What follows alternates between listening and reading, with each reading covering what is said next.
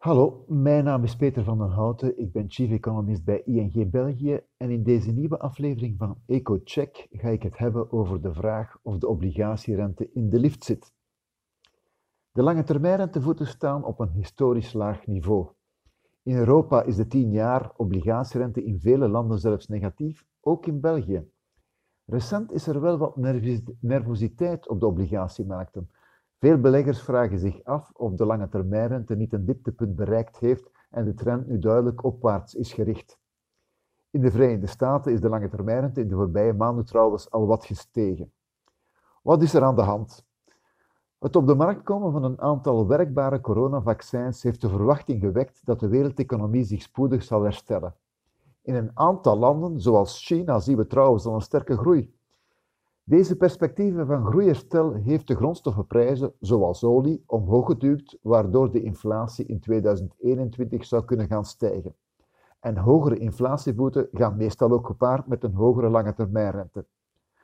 Daarnaast heeft een nieuw verkozen Amerikaanse president Biden aangekondigd dat er bovenop het eerder besliste stimuleringsplan van 900 miljard dollar er nog een bijkomend plan van 1900 miljard zou kunnen komen. Bedragen die doen duizelen. Dat is een gigantische begrotingsstimulus waardoor de Amerikaanse economie dit jaar met 5% zou kunnen groeien. Zo'n sterke groei, gecombineerd met hogere begrotingstekorten en dus veel vraag naar kapitaal, zijn elementen die meestal ook de lange termijnrente omhoog duwen. Het is dus niet helemaal onlogisch dat de Amerikaanse obligatierente in de voorbije weken al wat is vooropgelopen. Maar gelden deze elementen ook voor Europa? Dat is voorlopig iets minder het geval. De economie zit nog altijd in recessie, terwijl de begrotingsstimulus een stuk kleiner is dan in de Verenigde Staten. Maar ook hier mogen we verwachten dat, naarmate de vaccinatiecampagne vordert, ook de economie opnieuw met groei zal aanknopen. Dat zou kunnen impliceren dat ook hier de lange termijnrente wat in de lift zal zitten. Toch is er een belangrijke factor die voorlopig wat tegengas geeft. En dat zijn de centrale banken. In de Verenigde Staten koopt de Federal Reserve nog altijd staatsobligaties aan. Elke maand wordt er voor zo'n 120 miljard dollar staatspapier en geëffectiseerde hypotheekleningen aangekocht.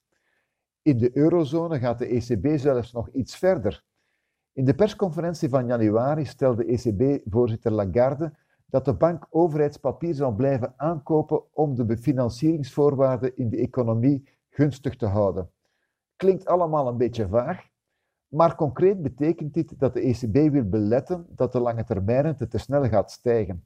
Want dat zou ook kredieten aan ondernemingen en gezinnen duurder kunnen maken, wat dan weer het herstelstokken in de wielen kan steken.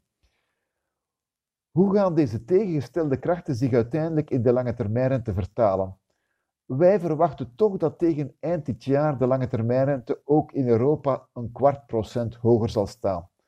Dat lijkt heel weinig, maar vergeet niet dat de rentestijging leidt tot een waardevermindering in een, in een obligatieportefeuille.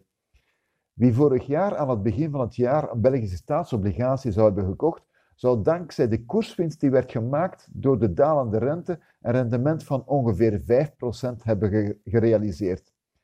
Gezien in 2021 de rente eerder wat zal stijgen, is er ons, ons inziens meer kans dat het rendement op een portefeuille met overheidsobligaties eerder negatief zal zijn. Zo, dat was het dan. Bedankt voor het luisteren en graag tot de volgende keer.